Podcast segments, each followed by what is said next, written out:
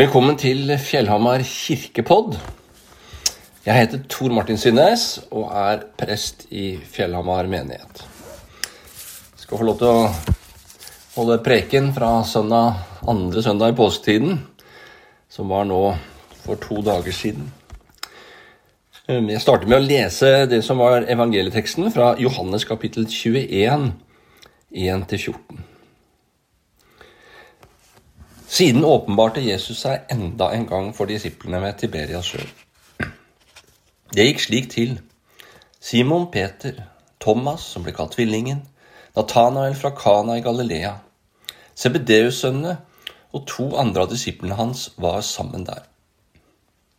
Simon Peter sier til de andre, 'Jeg drar ut og fisker.'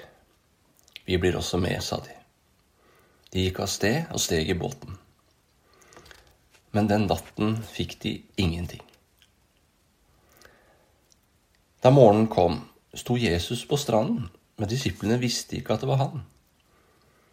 Har dere ikke noe å spise, barna mine? sa Jesus til dem. Nei, svarte de. Kast garnet ut på høyre side av båten, så skal dere få, sa Jesus. De kastet garnet ut. Nå klarte de ikke å dra det opp, så mye fisk hadde de fått. Disippelen som Jesus hadde kjær, sa da til Peter, det er Herren.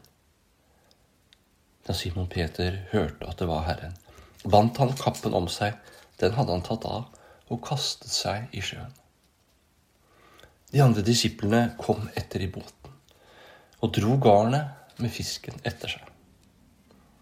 De var ikke langt fra land, bare omkring 200 alen.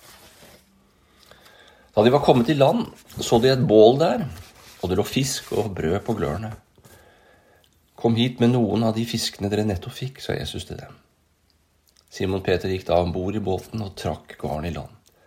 Det var fullt av stor fisk. 153 i alt. Men enda det var så mange, revnet ikke garnet. Jesus sa til dem, Kom og få mat. Ingen av disiplene våget å spørre ham, Hvem er du? De visste at det var Herren. Så gikk Jesus fram, tok brødet og ga dem. Det samme gjorde han med fisken. Dette var tredje gang Jesus åpenbarte seg for disiplene etter at han var stått opp fra de døde. Det var bibelteksten. Evangelieteksten fra Johannes. Aner vi en resignasjon. At lufta er på vei ut av ballongen. Sju av elleve disipler er sammen, kan vi lese. Har noen begynt å ta seg til andre ting? Hadde frykten for ytterligere forfølgelser av også Jesu venner satt seg? Hadde noen trukket seg unna fellesskapet? Var ting i ferd med å smuldre opp. Peter var nok den mest rastløse. Både fordi han som type var handlingsretta, spontan og temperamentsfull. Men han plagdes også av noe. Det kunne alle merke. Siste gangen han så Jesus i øynene, var da han nettopp hadde bannet på at han ikke kjente ham. Jeg drar ut og fisker. Peter måtte finne på noe. Og alle de andre ble med. Hva ellers skulle de ta seg til? Å fiske kunne de i hvert fall det gamle yrket deres. Og det var kanskje det de måtte begynne med igjen. Jesus-eventyret, det var vel over. En hel natt fisket de, uten å få noen ting. Deprimerende. Heller ikke det fikk de til nå. I morgendemringen så sto det en fyr inne på stranda. Han ropte 'Kast garnet ut på høyre side av båten'. Provoserende. Hele natten hadde de prøvd å hevet garnet både her og der og flyttet seg rundt. Og så skulle det å hive ut på høyre siden av båten ha noe å si. Det er som å si når stadig feller melder seg til dåp Bruk en annen skrifttype på nettsiden. Hvem trodde egentlig den fyren på stranden at han var? Og det å kaste ut på den andre sida av båten, noen få meter til siden, hadde noe å si. Samtidig var flashbacket til tre år tilbake i tid uunngåelig for disiplene. Tilbake til da Jesus-eventyret starta. Da det utrolige skjedde. Jesus hadde kommet dit de var med fiskebåtene sine. En ny rabbi og mester. Og han hadde brukt Peters fiskebåt som, som et sted for å holde talen til mange som hørte på. Og Peter, som var en handlingens mann, en praktiker, en som fort ble trøtt av ord, han hadde sittet trollbundet under hele talen, som varte kanskje flere timer. Aldri hadde han hørt noen tale sånn. Om Gud, om livet, om tro og håp og kjærlighet. Så da Jesus etter talen ba han legge ut på dypet og kaste ut garnet Etter at de hadde også den natten hadde fisket hele natten uten å få noe. Å fiske midt på dagen var altså et håpløst tidspunkt. Så gjorde han det på hans ord. Resten er historie. Et eventyr og en drøm som ble virkelighet. De fikk så mye fisk som aldri før. Og de neste tre årene hadde vært en reise så ubeskrivelig og fantastisk. Hver dag sammen med Jesus. Så skjedde det ufattelige. Han ble arrestert, han ble dømt, hånet og torturert.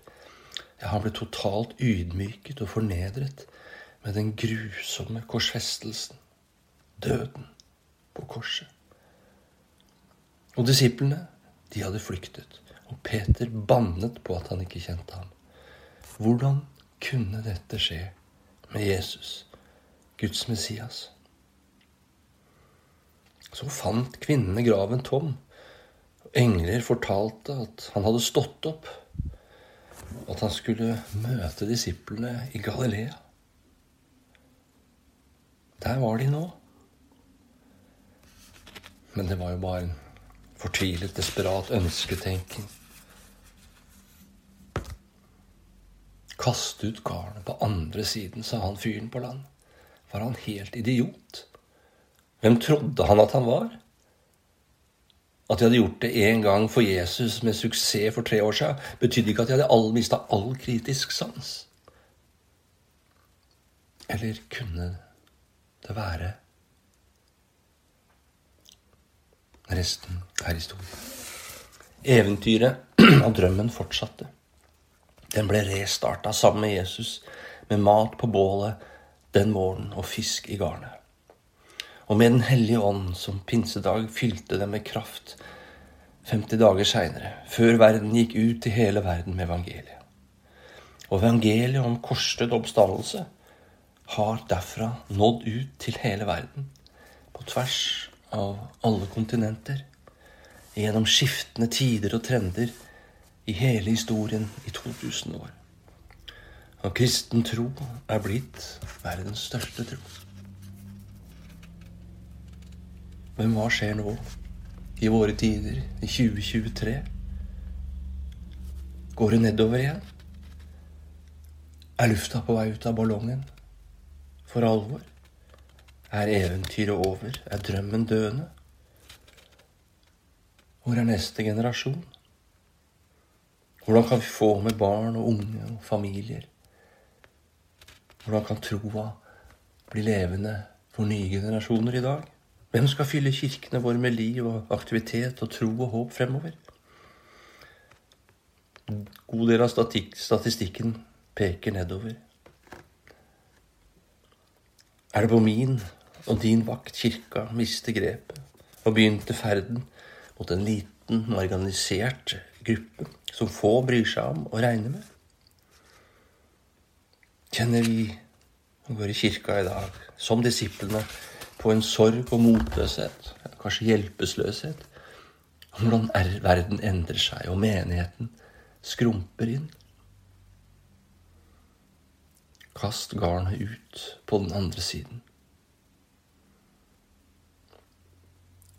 Jeg kom over en artikkel i Vikenavisen i påsken, skrevet av danske Christian Lett, med tittelen 'Mysteriet om kristendommen'. Mysteriet for lett er ikke treenighet eller Jesus som sann Gud og sant menneske eller oppstandelsen. Mysteriet for han er hvorfor kristendommen, som var så liten, og bare én blant mange religioner og guder, ble den som vokste seg til å bli den største tro noensinne.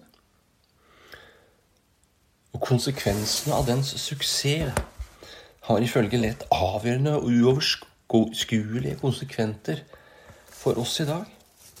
Kristendommen har seiret så totalt at det ikke handler om hvorvidt vi er troende eller ei. Kristendommen er som en klippe som hyller hele vår horisont, som er så stor at vi ikke kan se konturene av den, skriver han. De fleste av oss kan ikke engang få øye på alle de måter hvorpå den påvirker oss. Dermed kan vi lett miste av syne hvor radikal og sjokkerende kristen tro både var og er, fortsetter lett. Kristendommens Gud seirer, ikke ved å slå romerne eller straffe de som torturerer ham, men ved å la seg drepe. Lidelsen og døden på korset i påsken er symbolet på seier. Oppstandelsen stadfester seieren. Det gjorde den. Men for de troende ligger jo oppstandelsen og den triumfen i fremtiden, ja, i det hensidige. Her på jord er kristentons budskap at fattigdom er blitt rikdom. Den lille er den store. Tjeneren er forbildet. Nederlaget, ydmykelsen, lidelsen og døden er seier. Det er mysteriet for lett. Hvordan kunne, kunne kristendommen, truet av total utslettelse da deres grunnlegger og profet ble ydmyket og drept på det mest brutale vis på korset? Han satte det lille, fattige, svake og lidelse og død i sentrum. Etter 300 år med forfølgelse innta maktens korridorer og fremdeles i dag være den mest maktfulle og suksessfulle tro noensinne. Kast ut garnet på den andre siden. Idiotien i å kaste garnet ut på den andre siden av en liten båt passer inn. Mysteriet, kraften i evangeliet, suksessen til kirka ligger utenfor vår kontroll, utenfor vår viten og kløkt, utenfor våre strategier, analyser og planer. Påskedag så sendte NRK gudstjeneste fra Stjørdal kirke. Preken til sogneprest Per Anton Leite anbefales virkelig. Han snakket om hvordan det er mulig å tro på oppstandelsen fra de døde, og lurte på om noen hadde opplevd det. Det eneste sikre om livet, som vi jo stadig sier, det er jo at vi skal dø. Og når vi står ved gravkanten til en av våre kjære, så kjennes det så altfor sant. Det var ikke annerledes for Jesu tid. For Jesu venner som så Jesus døde og ble lagt i graven, sto ved gravkanten, så å si. For dem gjaldt det også at det eneste sikre om livet var at vi skulle drø. Selv om de hadde opplevd Jesus og alt det trolige han gjorde, så var de ikke forberedt på noen oppstandelse. De var ingen troshelter. Heldigvis, sa Leite. For det viser at det ikke er disiplenes eller vår tro det kommer an på. Jesus var ikke avhengig av at disiplenes tro på oppstandelsen for at det skulle skje. Jesus brydde seg ikke noe om troa deres i så henseende. Han sto opp allikevel. Det var han som hadde makta til det. På samme måte er ikke Jesus avhengig av vår tro for at vi fortsatt er sant i dag. Sannheten og realiteten i at Jesus lever i dag, det bærer Gud. Vi kan få hvile i det. Troen vår bærer ingenting. Det er Jesus som vi tror på, som bærer alt. Oppstandelsen og kirken er det Gud som bærer. Kast ut garnet på andre sida. Vi må være trofaste og kloke og følge etter hva fyren inne på stranda sier til oss. Og kaste garnet ut på andre sida. Jeg aner ikke hva det betyr i dag, i 2023. Annet enn at det er Gud som bærer. Det er Gud som har kontroll og vet best. Det er idiotien, det radikale og sjokkerende som har seiret og hatt den største suksess. Det er Jesus som har stått opp og vunnet over døden, ikke troa mi og de. Det er Gud som bærer kirka, og det er Den hellige ånd som kaller på mennesker som kan berøre og fange mennesker, fange deg og meg. Det er ikke du og jeg som gjør dette. Vi skal bare kaste ut garnet på den ene eller andre sida. Og passe på at vi med båten vår har ankret opp hos Jesus og bundet oss fast til ham. Da kan eventyret slå nye skudd. Og drømmen berører oss over verden med ny kraft når vi minst venter det. Ja, kanskje bare ved at vi gjør noe så idiotisk som å kaste garnet ut på den andre sida av båten. Ta imot Herrens velsignelse. Herren velsigne deg og bevare deg. Herren la sitt ansikt lyse over deg og være deg nådig. Herren løfte sitt åsyn på deg og gi deg fred. Amen.